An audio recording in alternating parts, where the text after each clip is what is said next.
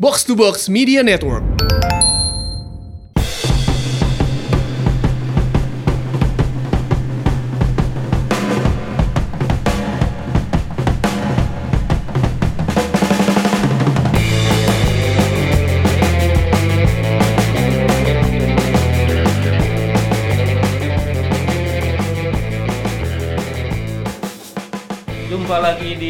Umpan Tarik episode 97 tiga menjelang tiga episode menjelang 100 episode yang episode ke 100 Milestone.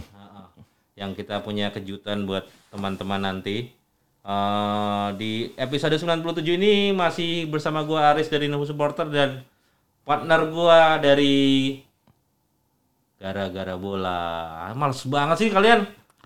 Kenapa sih suruh siaran males gitu loh Lagi baca ini mas, lagi baca contekan. Oh, baca contekan. Iya, ada Labib dan Eki di seberang sana. Iya, ada gua Eki Putra Wiratama. Ada gua Labib Sadat. Dari gara-gara bola dan kita ada yang berbeda hari ini. Gak kelihatan sih sebenarnya Iya. buat orang-orang, tapi buat kita Cuma kalau pengalaman berbeda mas. kalau suaranya berbeda itu kita sedang di musika ya. Bukan. Aquarius. Aquarium. yang dekat SMA 70. dulu. Aquarius musik. Aquarius sih. Iya, Dulu dekat SMA 70 dulu. Iya, kita mencoba mencicipi perangkat saudara. ya, eh, di episode 97 ini kita mau membahas ada angin-angin segar nih di sepak bola Indonesia. Ada SK dari Pak dari PSSI yang sudah menentukan liga akan bergulir bulan Oktober. Liga 1 2 3. Gimana perasaannya Eki Labib?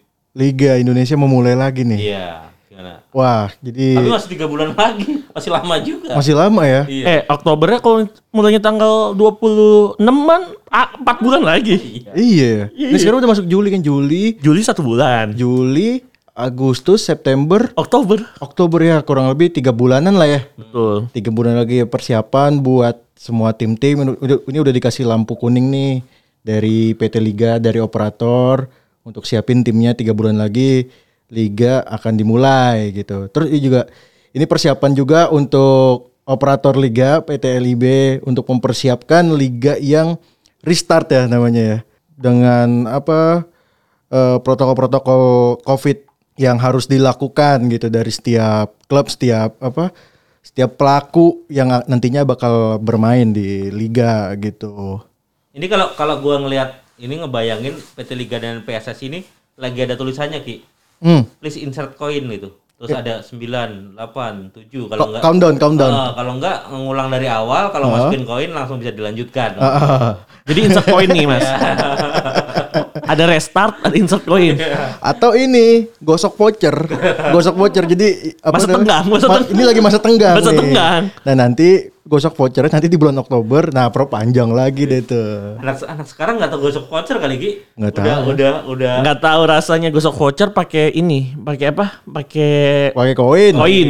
Jadi jadi kalau dulu kan kan gua dulu jualan kan gua dulu jualan jualan pulsa kan punya counter handphone kan jadi setiap counter handphone gua selalu menyediakan koin gopean atau berapaan buat gosok voucher tuh Iya. voucher pulsa itu Iya.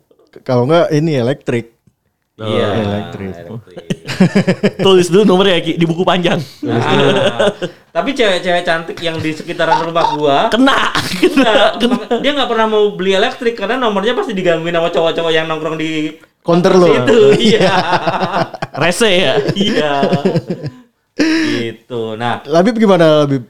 Kalau gue pribadi ya ngelihat PSSI dan PT Liga Indonesia sebagai operator, Liga Indonesia baru sebagai operator untuk menjalankan kompetisi dilanjutkan lagi, gue sangat apa ya? Kalau gue pribadi sebenarnya gue bahagia ya karena ada hiburan kembali. Semoga karena lagi pandemi COVID-19 ini mudah-mudahan protokol kesehatannya benar-benar dijaga itu aja. Layaknya liga-liga di luar yang udah bergulir, Liga Serie A, Premier, Premier League dan Bundesliga itu mudah-mudahan jadi contoh buat kita.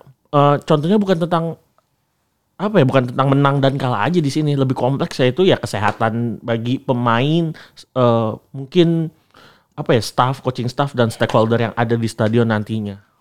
kira-kira tetap pakai penonton apa enggak ya Ini info orang dalam aja ya. Ah. Waduh. Waduh, ini berat sih sebenarnya tapi gua GGB Tapi ini info nih. GGB sebenarnya orang dalam mulu sekarang. Parah kanan kiri orang dalam, udah nggak bisa diganggu gugat GGB. Eh, GGB tuh kadang-kadang suka ada yang nanyain, Min lu tahu pasti nih, lu pasti tahu nih. Enggak kalau kalau gue sih kalau gue nggak tahu kalau gue. Labib tahu. kan ada kan ada trio, berarti ya si ada duonya yang dekat sama orang dalam. Enggak, gua nggak tahu kalau Kira-kira gua. siapa ini? Eki Eki yang kanan, tapi yang kiri. Enggak gue nggak tahu. Gua- Bohong, Eki bohong. Gua nggak tahu. Ya pokoknya info terakhir sih nggak ada penonton. Gak ada penonton ya? Hmm. Nah, karena Lebih aman, lebih Terlalu riskan ya. Sangat lah mas. Dan juga lebih ribet aja. Mungkin bangku yang harusnya ntar di set up eh, social distancing, ntar juga protokol masuknya juga pasti lebih ribet kan. Ya mungkin memfokuskan kepada pemain, coaching staff, manajemen yang datang, kayak gitu aja sih. Stakeholder stakeholder tim.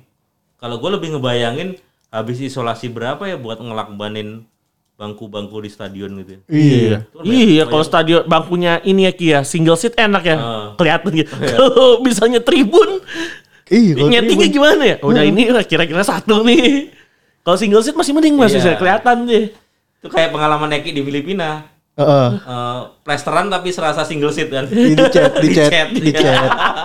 Stadion Rizal lagi ya. Stadion Rizal. Tapi kalau misalkan ada ada lakban pun ya udah tandain pakai lakban X gitu di bangkunya. Tetep Mental orang Indonesia gitu, lo tau lah. Bakal didudukin atau nanti dicabut ya kan. iseng banget. iya, makanya mungkin itu ya kalau misalkan infonya Labib tadi ya tanpa penonton eh, kemungkinan besar sih bakal kejadian tanpa penonton. Tapi nggak tahu nih ya klub-klub bersedia atau enggak sih pakai itu ya tan- Kalau- tanpa penonton. Iya, kalau kalau gua ngelihat update-nya sih kan sebelumnya Madura udah menolak tuh di awal-awal dulu kan. Mm, Pak Haruna ya. Heeh, Eh Pak Hasanul Kosasi ya. Aksanul. Ah, ah, ah, ah. Terus kemarin Barito sama Persebaya juga menolak kompetisi ini. Dilanjutkan lagi. Nah, nah kira-kira gimana tuh Bib? Tapi Sebagai menurut gue sih akan sulit kalau misalkan banyak eh, apa ya banyak tanda, dalam tanda kutip ya voters atau suara yang bilang liga dilanjutkan. Mau nggak mau mereka harus ikut. mutlak ya. Mutlak. Kalau misalnya mereka nggak ikut, ya bakal kejadiannya ya mereka bakal dinonaktifkan sebagai anggota liga. Bisa loh. Terberatnya, sanksi terberat. Ya kan itu kan udah keputusan bersama.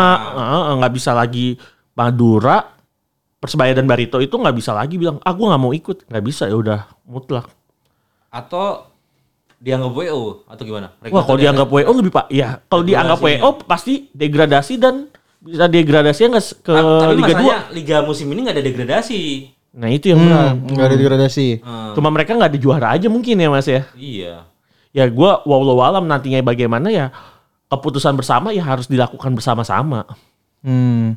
Karena kabarnya kemarin ada diskusi PSSI di UI itu kompetisi tak nggak yang nggak bergulir itu bikin kerugian ekonominya mencapai 3 triliun gitu loh. Nggak hanya di atas aja ya maksudnya sampai paling Iya. bawah pun maksudnya sampai grassrootsnya dalam piramida ekonomi juga pasti apa ya adanya efek sampingnya parah banget tentang keuangan mereka masing-masing. Nah, tapi yang yang jadi garis besar juga PSSI mengizinkan pemotongan gaji ketika liga berjalan ini gitu kan. Dan apa namanya ke, hmm, saat ini kan pemain cuma nerima gaji berapa persen?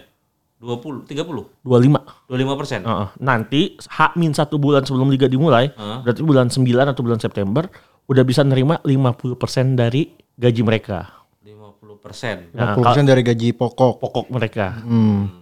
Oh Eh, berarti Ki, gak ada, jangan gaji pokok, udah gaji doang. Ki. Gaji, iya, gaji iya, soalnya iya. pemain bola itu nggak punya THR, nggak ada tunjangan, nggak ada tuh. oh nggak nggak tahu sih gua ada THR apa enggak. Nggak Ada lah pasti. Ya kalau gua kenal salah satu pemain bola di Indonesia nggak ada THR. Nggak ada THR ya. Nggak ada, itu- karena gajinya udah gede ya. Iya. Lah kalau THR kan satu tahun gaji. Bonus ada bonus, pasti. bonus ada. Bonus, bonus, pasti, bonus pasti ada. Bonus nah, ada. Hmm. sekarang kan dia terimanya 25% ya. Berarti nanti menjelang liga mulai dia terima 50%. Betul. Pas liga mulai tetap Nah. tetap tetap, tetap 50%. Ini yang masih jadi apa ya pertanyaan ke depannya. Tergantung klubnya ya. Tapi PSSI mengizinkan dipotong 50 persen. PSSI. PSSI udah menyetujui itu. 50% yang gaji eh, bulanannya di atas 30 juta apa 25 juta satu bulan. Dan yang kedua itu tadi lu ngomong ntar pas liga gimana Heeh. itu bakal jadi jawabannya nantilah oke Kita lihat nanti berarti ya, gitu nggak ya. bisa sekarang kita omongin. Heeh, heeh. Berarti artinya bergulirnya kompetisi ini adalah salah satu solusi ekonomi pemain tetap berjalan ya. Maksudnya kan dia akhirnya nambah Pemasukan pemasukan. Kan Bener. sekarang cuma 25 persen. Heeh. Ketika main tambah 50 50 persen, artinya tambah dua kali lipat kan. betul ya ba- banget lah menurut gua. Ya, sebenarnya emang agak riskan karena di faktor kesehatan dan segala macamnya. Cuman dengan dengan seperti itu pemain juga bisa mendapatkan pemasukan lebih kan. Iya. Pemain itu kan sekarang terima gaji 25% nih ya. Iya. Dia maksudnya tet- tetap latihan kan, tet- tetap latihan masing-masing gitu kan di, Iya. di rumahnya kan ya. Kita nggak tahu latihan apa enggak, pokoknya ada uh, apa, program. program lah disuruh ada latihannya gitu. Uh, mereka nggak ada nggak nggak tanding, mereka di rumah doang, itu tetap dapat gaji 20% enak juga ya. Eh, kalau menurut gue sih kalau misalnya punya KPR rumah berat Ki. Iya. Kalau punya KPR rumah, tapi Berasa sih, berasa- berasa banget soalnya. Soalnya pemain bola itu menurut gue ya tunjangan THR dalam yang besarnya itu istilahnya pad, eh, padatnya duitnya mereka itu ketika dapat kontrak karena 25% dari total Kontrak, nilai kontrak, kontrak. dari nilai kontrak. Hmm. Itu misalnya 800 juta 25 persennya kan berasa tuh. Berapa ratus? Itu duit kencengnya mereka di situ. Oke. Bulanannya mereka mah habis buat kehidupannya mereka. Hmm. Makanya menurut gua secara nggak langsung masuknya liga di bulan Oktober kata Mas Arista tadi gue support banget ngebantu beberapa pihak untuk Betul. mendapatkan duitnya. Apalagi kabarnya PSSI dan PT Liga Indonesia baru itu bekerja sama untuk memberikan subsidi yang nilainya nih ini info orang dalam lagi nih. Ini bener ini info orang ini berat nih emang harus dengerin podcast ini nih. Gue gue curiga Labib yang megang akun SOD dah ini. SOD orang Bandung tapi beberapa kali emang ngenotis gara-gara bola mulu ya. Soalnya berita-berita gara-gara bola tuh gila. Jadi dapat 800 juta per bulan. Harusnya eh, biasanya dapat berapa ya? Biasanya 800 juta nggak per bulan. Biasanya satu miliar untuk atau berapa miliar untuk satu musim. Ini 800 juta per bulan. Mungkin kalau liganya Oh, sampai oh, berarti lebih banyak. lebih banyak. Untuk Karena- setiap klub. Untuk setiap klub karena emang pemasukan dari sponsor mungkin nggak bakal sebanyak ketika kondisi normal ya Ki ya. Pastilah apalagi sekarang stadion difokuskan ke satu titik ya di Jawa Tengah dan Yogyakarta kalau nggak salah. Hmm, ya, ya, ya. Oh, jadi nanti Artinya exposure ke exposure ke iklan mereka nggak bisa Nggak bisa gede, nggak bisa gede juga. nggak ya? bisa besar. Gimana lah biasanya mereka nampangin kayak Bandung gitu SMA 8 Pasundan biasanya di stadion di- Sponsor lah ya, sponsor, sponsor si. Jalak Harupat ini naruh di Jaka, Jawa Tengah kan nggak mungkin Hmm. ribet juga kayak gitu Artinya ada duit yang berkurang dari sponsor tapi ditambahin oleh PSSI dan Iya. Liga. dengan catatan mereka mengikuti Liga Indonesia. Iya, itu gimana ya berarti ya pertanyaannya ya. Kalau misalkan kan venue-nya tadi di Jawa Tengah kan? Iya, Jawa Tengah sama Jogja kan. Betul. Klub punya masing-masing sponsor yang itu dealnya udah di jersey sama di pinggir lapangan nih. Iya. Apa E-board. headboard pinggir lapangan Iya. kan? Kan belum semuanya elektrik kan? Iya. Headboard pinggir pinggir lapangan. Nah, itu kalau misalkan difokusin di venue tersebut setiap pertandingan diganti-ganti Iya. atau satu sponsor aja gitu satu venue-nya itu yang jadi pertanyaan Info nanti terakhir tuh. sih sponsornya Ini dari orang dalam lagi bukan? Enggak, kalau ini pendapat gue ya. kalau kayak gini pasti eh, sponsor dari Liga Indonesia Baru dan PSSI yang ada di Adboard ya Ki ya. Oh berarti sponsor di klub nggak nggak di pinggir berarti Iya, nanti. paling jadi yang besar jadi ya ini doang di dada doang. Eh di jersey maksud gua, kostum sponsor jersey doang. Dan Wah, berarti itu. nilainya bakal berkurang dong. Iya, terus deal dealnya ribet lagi tuh mas ya. Ya. Direvisi lagi ya Mas ya? Dealnya. Kita harus ngundang orang-orang marketing klub nih biar Atau tahu. enggak marketing PSSI. Itu orang agensi. Itu orang agensi. Kan lu orang agensi lu dulu. Lagarde kali ya. Lagarder. Lagarde. kan Mas Arista orang agensi dulu. Oh iya. Ya kan beda kan. Oh beda. Nah, lu kan nggak ketika kita ke PSIM nonton Trofeo dulu kan? Iya. Kan itu ada bannernya suara Dayak atau apa yang punya Kalteng Putra kan? Karena karena Kalteng main di apa namanya stadion itu kan? Mandala. Mandala Ah. gitu kan. Nah, bener kata Eki tadi ribet kali ya kalau semuanya dipasangin adbot semuanya satu-satu gitu. Iya kan setiap setiap match ganti ganti pertandingan nggak otomatis ganti klub kan. ganti Klub itu punya sponsor masing-masing yang harus ditempel di pinggir lapangan. Jadi setiap ganti klub ganti pertandingan ganti lagi headboardnya, ganti lagi headboardnya. Apakah gitu atau sponsor tunggal aja? Maksudnya bukan sponsor tunggal, sponsornya PSSI atau sponsornya LIB aja nih yang di pinggir nih gitu. Berarti kan otomatis value-nya sponsor ke klub ini berkurang nantinya gitu. Jadi ke- exposure cuma dapat di baju doang, di, di pinggir lapangan dia nggak dapet gitu. Apalagi kalau ngelihat dari nilai subsidi yang ditaikan, ada kemungkinan bakal jadi sponsornya LIB dan sponsornya PSSI yang ada di pinggir lapangan. Makanya itu gunanya kenapa stadion harus dimodernisasi karena biar ada elektronik. Kalau elektronik kan gampang ya Ki. Iya. Tinggal masuk masukin, Tinggal soft masukin data, soft datanya ntar tinggal di setupnya. tapi hati-hati juga itu Kak jangan sampai kayak Videotron yang heboh di sono itu. Oh, Sono mana? toko Microsoft Excel-nya keluar atau enggak iniannya keluar ya apa hidden hidden itu ya. folder hidden Oh, film bokep begitu ya? Ya, Di Oh. Blok M itu ya dulu Bukan, anjir. wali kota, wali kota Jaksel. wali Oh, kota Jaksel ya. Wali kota Jaksel Iya, itu iya, kacau iya, depan sebelum- wali kota loh, sebelum sebelum, Sebelum Blok M, sebelum Blok M berarti. Iya, kacau. Iya, jangan sampai gitu. Pekop berarti ya, Ki? Pekop. Pekop itu langsung dipecat di tempat itu kalau nggak salah malamnya. Operator ya? Nggak tahu gua. Gua Gua nggak tahu. Tapi gue tahu beritanya itu emang itu gila. nggak ya. tahu. Dia orang dalam, orang Ini dalam. ngasal nih kadang-kadang takutnya. Enggak, tapi emang bener yang itu dipecat di tempat. Nah, kalau mi- misalkan ngomong, ngomongin venue nih, Mas. Kan berapa venue sih emang yang yang dicalonin buat ini? Buat Tiga ya di- terakhir ya. Gua nggak update. Seingat gue tiga Sultan Agung, Bantul. Magu, Maguwo Harjo sama Mandala Krida. Oh, berarti Jogja semua. Jogja. Oh. Karena Jawa Tengah jati diri belum bisa digunakan kan? Belum punya jati diri. Iya, identiti. Dan apa Mandala Krida nggak masuk sebagai eh, tuan rumah Piala Dunia U20. Jadi nggak ada renovasi untuk stadion tersebut. Oke. Jadi stadion itu eh, bispak lah ya kalau bahasa malamnya tuh. Bispak lah. Available, available. Kayak manan ketika dipakai-pakai oleh Klub-klub Persija. Persija, Arema, banyak banget. Berarti di tengah jalan nanti kita bisa bisa ngelihat nih maksudnya ini tiga venue sementara buat Liga 1 apakah ini seterusnya sampai liga habis atau sementara doang nanti ketika kondisi udah normal baru pakai home base masing-masing gitu kan kita belum tahu kan ya Kayaknya tanggung dah mendingan di situ semuanya mungkin ya. ini liga baru mulai tiga pekan Oh iya, iya. tiga baru baru tiga pekan La- lama loh. Gue ingatnya Liga Inggris 38 pertandingan doang. kita tiga empat ini baru tiga pekan gitu sampai kalau sampai tahun depan apa klub di Jogja doang boncos juga dia apa apa akomodasi di Jogja gitu Kalau ma- masalah akomodasi ntar kita ngomongin di belakang kayak gue ini juga tahu nih masalah akomodasi. Kenapa pemilihannya di Jogja Heeh. atau di Jawa Tengah? Gue itu gue tahu juga tapi gue nggak bisa ngomongin di umpan tarik. Nggak bisa ya. Nggak bisa. Kenapa? Om- Omongin, omongin lah. Nggak bisa kalau yang ini. Bisa lah. Di, bisa. di umpan tarik nggak bisa tapi di tendangan bebas bisa.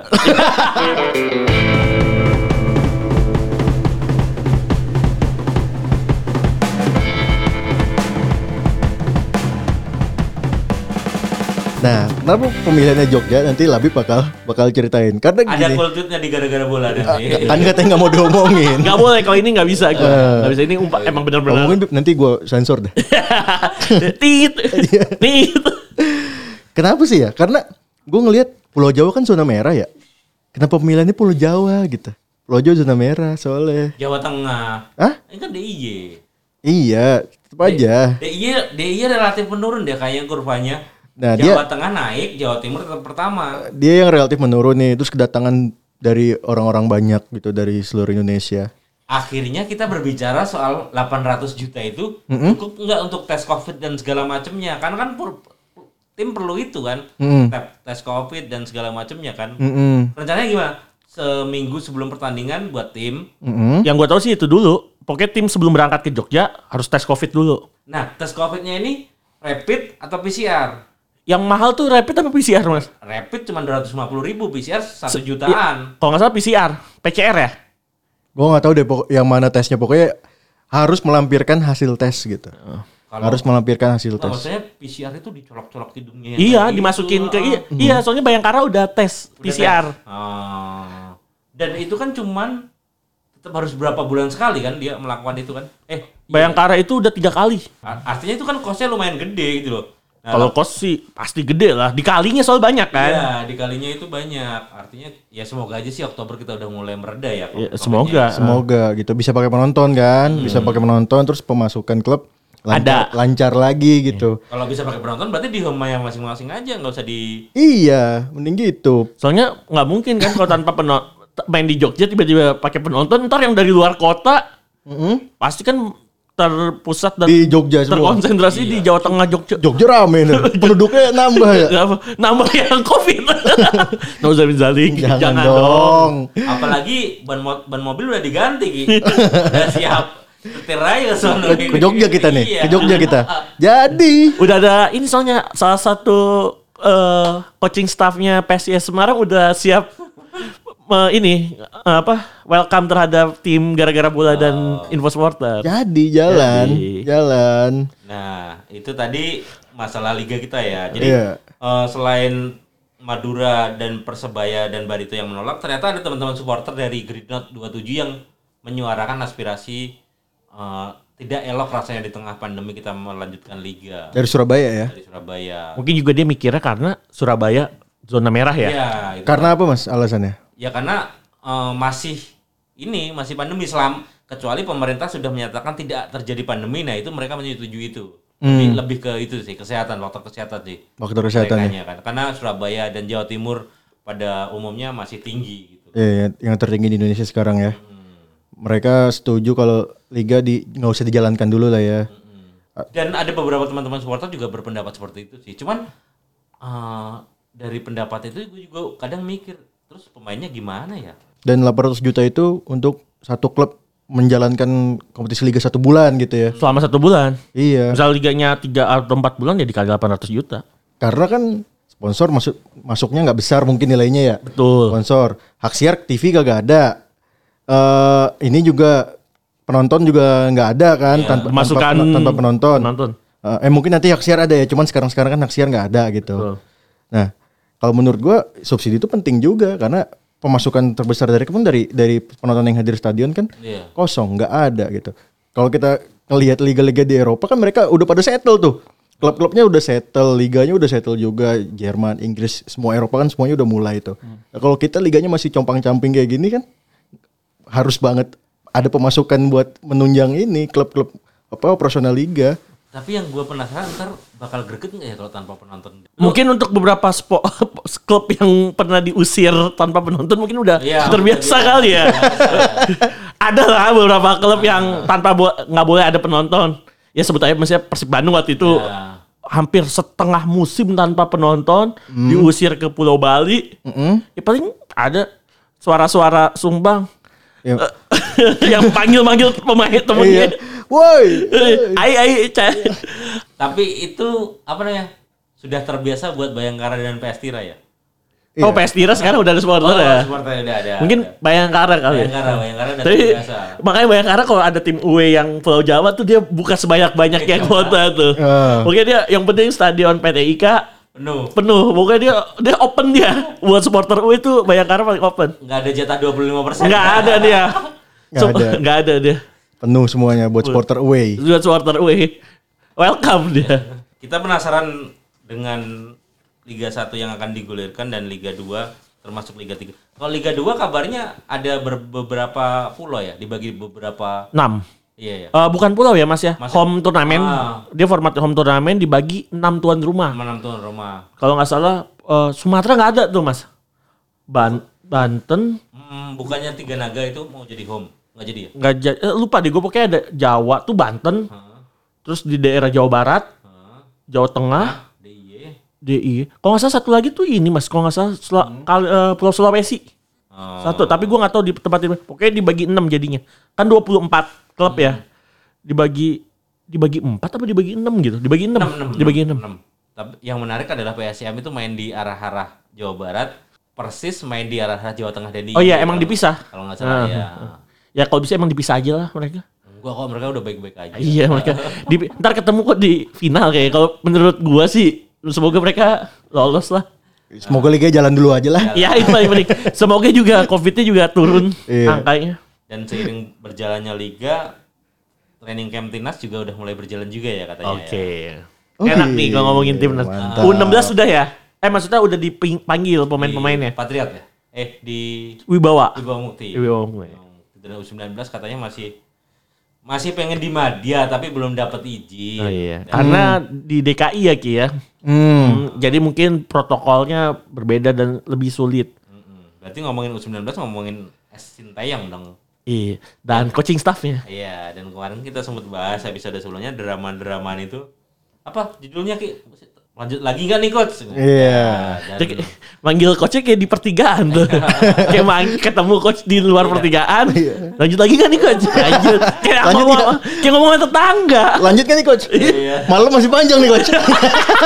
Gue tahu PT tuh. lah, PT-PT Kayak- coach. gitu. Kayak lu punya tetangga, pelatih atau pemain bola nasional. Iya. Lu pasti su- nyapa kan? Bang main di mana musim depan? Iya. Bener nggak?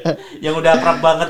So akrab loh judulnya tuh gue ngakak-ngakak emang tim tim umpan tarik kreatif banget sih. Wah, pede sekali lah Bib ini. iya dan sudah sudah berakhir dengan perdamaian ya karena Sintayong dianggap adik lah sama sama Ibul katanya gitu. Mm. Beda bapak beda negara. Umur saya 90, 59 tahun. Ah. Sintayong umur 52 tahun ya. Jadi kalian saya anggap adik lah gitu. Jadi Sintayong sudah memastikan akan kembali ke Indonesia pada pekan pertama Juli. Nih yang menarik adalah eh, pernyataan Sekjen nih. Pemanggilan pemain hak mutlak Sintayong, direktur teknik nggak tidak terpeng nggak nggak boleh dipengaruhi oleh PSSI dan direktur teknik. Hmm. Mantap. Mutlak semuanya dari head coach. Bakal seperti apa ketika Sintayong memilih pemain ini? Bakal ada pemain-pemain yang di luar dugaan. Idealnya memang seperti itu kan. Semua satu-satu squad yang dia punya itu itu hak utamanya head coach. Gitu. Dirtek apalagi federasi eh, bukan nggak boleh nyentuh ya apa ya? Mungkin nggak rekomendasi apa masukan mungkin gitu ya tapi untuk ut- utama sekuat itu dari head coach semuanya gitu. Dirtek kan kayak kayak cuman contohnya nih salah satu tu- tugas Dirtek itu milih lawan untuk uji coba gitu.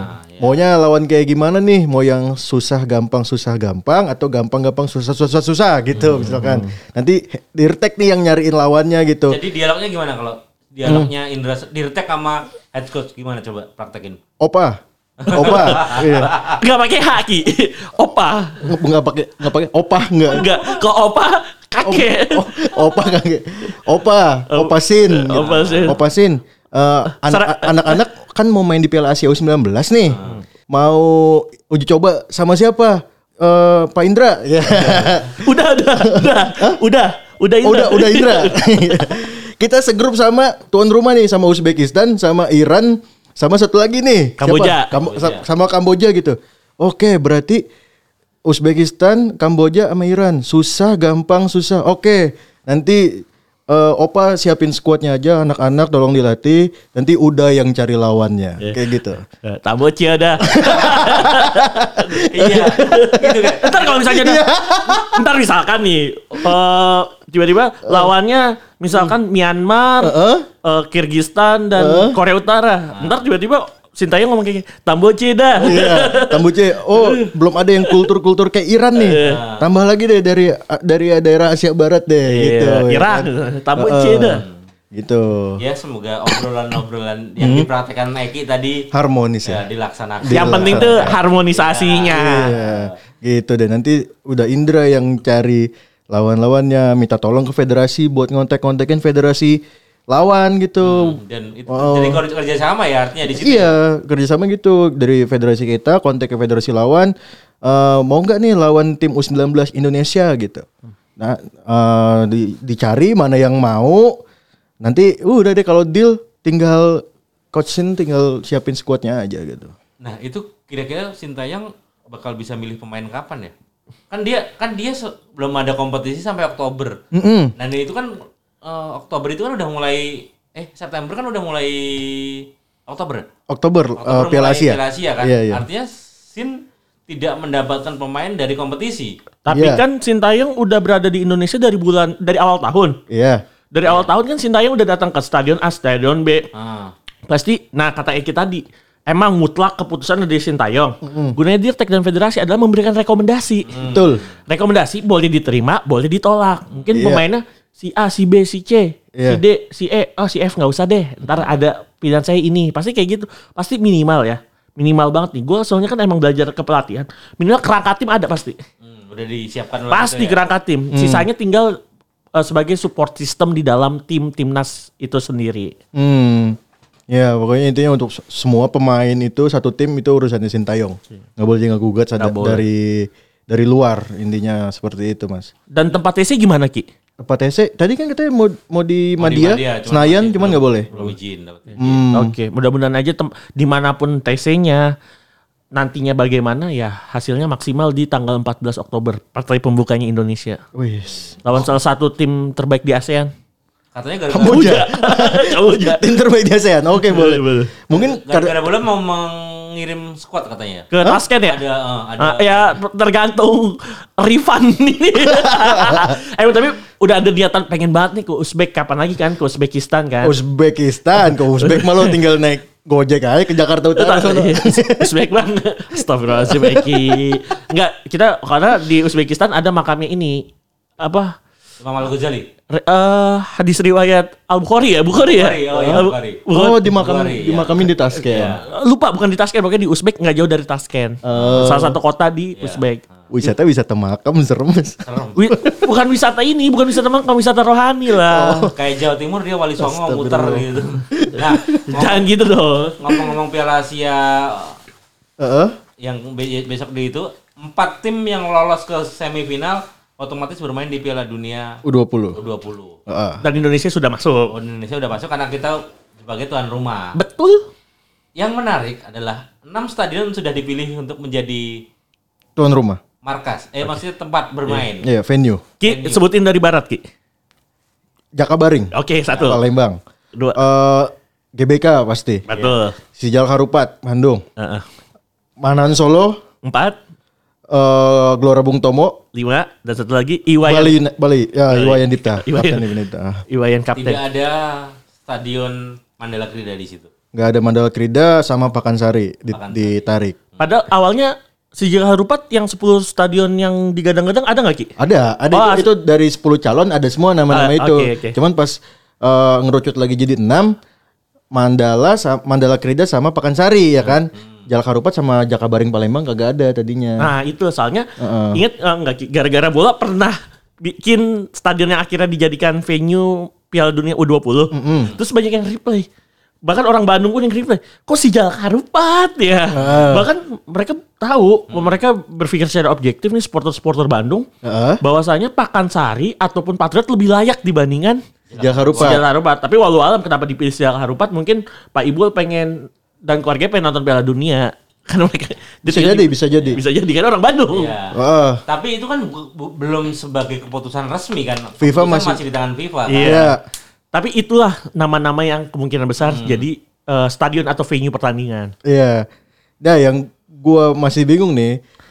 Eh, Pakansari dicoret, Mandala Krida dicoret. Heeh. Pakansari itu kan udah udah lama jadi wakilnya GBK dalam tanda kutip ya. Iya. Jadi wakil GBK. Gantiin- Pengalaman internasional udah banyak ya kan. Betul. Sampai final Asian Game, final Asian Games, final AFC U19, final AFF 2016, final AFF 2016 itu di Pakansari juga ya kan. final Liga 2. Final Liga 2, Liga 3, Liga Putri Pakansari Di- juga. Kayak ngegantiin Jakabaring ya Ki ya? Jakabaring. Eh, iya gantiin Jakabaring bener. Nah, wah ini gue gue udah pede nih Pakansari bakal tetap masuk lah nggak bakal digantiin. lah. Eh, gue nggak tahu alasannya kenapa. Eh Pakansari dicoret gitu. Padahal secara pengalaman Pakansari udah oke gitu kan. Tapi sebagai gantinya ini ada Jalak Harupat. Eh, eh siapa? Bukan Jalak Harupat sorry. Eh Jakabaring. Ja- eh, salah satu Jalak Harupat kan. Jakabaring secara pengalaman internasional udah oke juga. Oke. Si G. Eh, lokasinya bagus, terus venue-nya udah bagus juga, udah oke, memang udah udah layak deh. Nah, kalau untuk apa namanya? Jalak Harupat Bandung itu lokasi udah udah bagus, venue udah bagus juga. Karena kan eh Ada tol baru ya? Ada tol kan, tol yang soreang itu langsung tuh. Jadi jaraknya udah bisa ditempuh lewat tol gitu. Nah, tapi masalahnya mungkin masalah animo supporter aja sih. Oh, di supporter. Bandung. Di Bandung gitu. Karena emang waktu itu bikin kompetisi U19 ya Ki ya. Indonesia sebagai kualifikasinya home turnamennya dia milih Jalak Harupat. Iya. Tapi yang nonton nggak banyak waktu itu. Zamannya Samsir Alam kalau nggak salah. Iya, itu di Jaka- Jakarta Rupat tuh ya. Iya, yang kalah sama Jepang. Iya, itu. Itu lah, bicara animo lah karena ya tapi emang kita tahu lah nanti animonya mungkin berbeda nih. berbeda dan Indonesia mungkin nggak ditaruh di Bandung kali ya. Pasti di GBK. Pasti di Mungkin Swedia di Bandung jadi kultur vikingnya atau Mungkin enggak, Perancis karena Paris Van Java Java. ya. Mungkin Hooligan Bandung pengen ketemu Hooligannya Inggris ya. Mungkin. Tapi eh, dan tapi yang gue bilang tuh Pakansari gagal tadi tuh emang agak-agak gimana gitu. Kapan lagi gitu naik ojek dari rumah gua nonton Piala Dunia ya. Mau naik Gojek bisa loh ke Pakansari. Gua kalau ke. GBK nggak bisa. Kalau dari rumah gua Kejauhan, kejauhan. kejauhan, Iya. gak dapet. Tapi gua ke Pakansari kan ya cuma 9,8 km dapet gua. Nonton Piala Dunia gitu ya. Iya.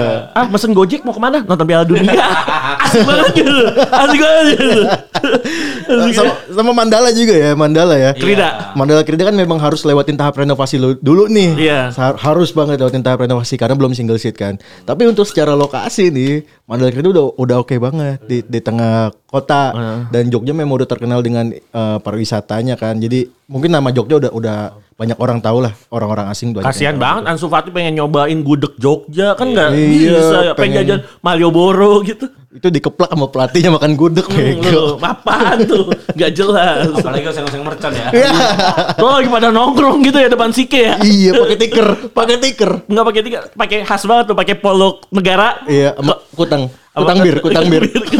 Lu, yang bahaya sih di Bali sih. Iya. Banyak minimal kalau nggak Jakarta pasti orang-orang main ditaruh di Bali karena pasti nama Bali tuh udah Indonesia. mendunia, mendunia. udah worldwide banget lah. iya iya.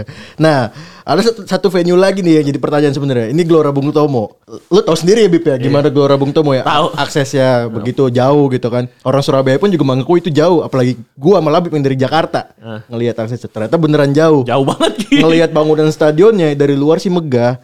Pas datang masuk itu temen gue sendiri yang orang Surabaya, Surabaya bilang buat apa GBT jadi venue Piala Dunia? Itu stadion belum jadi. Kita masukkan lewat pintu pintu VIP nih. Kalau yang pintu son pintu sana seberangnya VIP itu itu belum belum direnovasi belum stadion belum jadi lah ibaratnya kayak Iya. gitu. Stadion yang dipaksakan untuk dipakai dong, yang penting stadionnya ada. iya. Tapi aksesnya orang gue sama Eki lewat ini mas. Sawah. Sawah loh. lewat sawah. Untuk Par- parkiran susah. Ya mungkin nanti ada, ada tol. Katanya Tol, ada. Emang ada ada tol. tol, kita lewat Tol. tol, nggak lewat tol mah. Maksudnya, enggak, ada tol yang langsung ke kan kita kan ngelewatin yang lorong di bawah Ya, underpass itu kan. Nah, itu Iya, underpass. yang sebelum pabrik-pabrik Ah, itu. Underpass itu katanya nggak ada.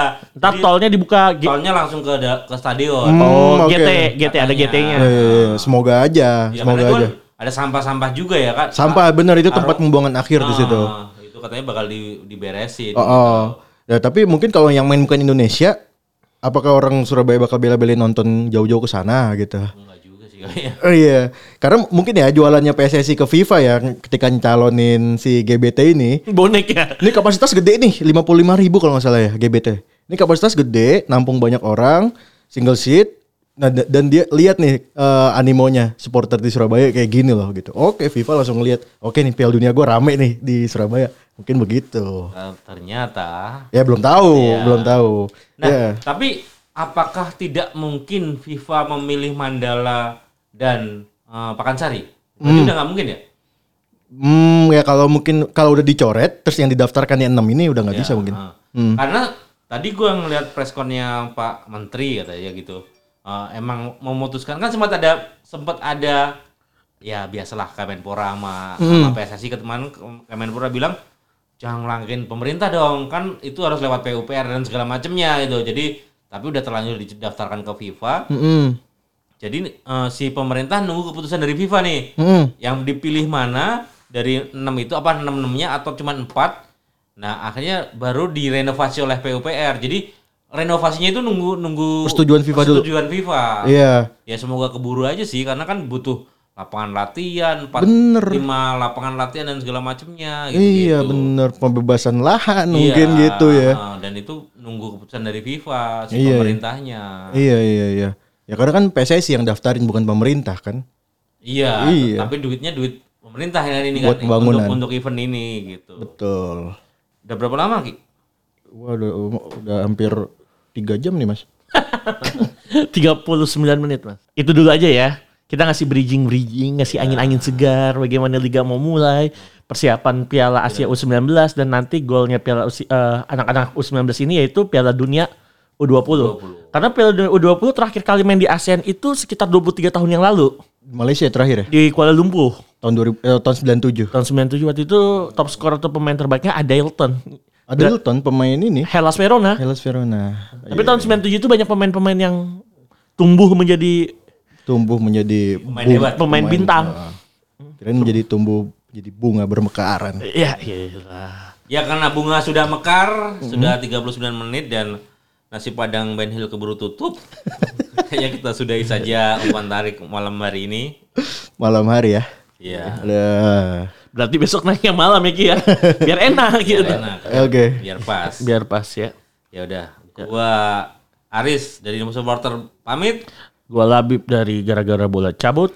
Gua Eki dari Garabola. Garabola kan tuh. Garbol. Makasih teman-teman Umpan Tarik yang udah dengerin. Wassalamualaikum warahmatullahi wabarakatuh. Goodbye.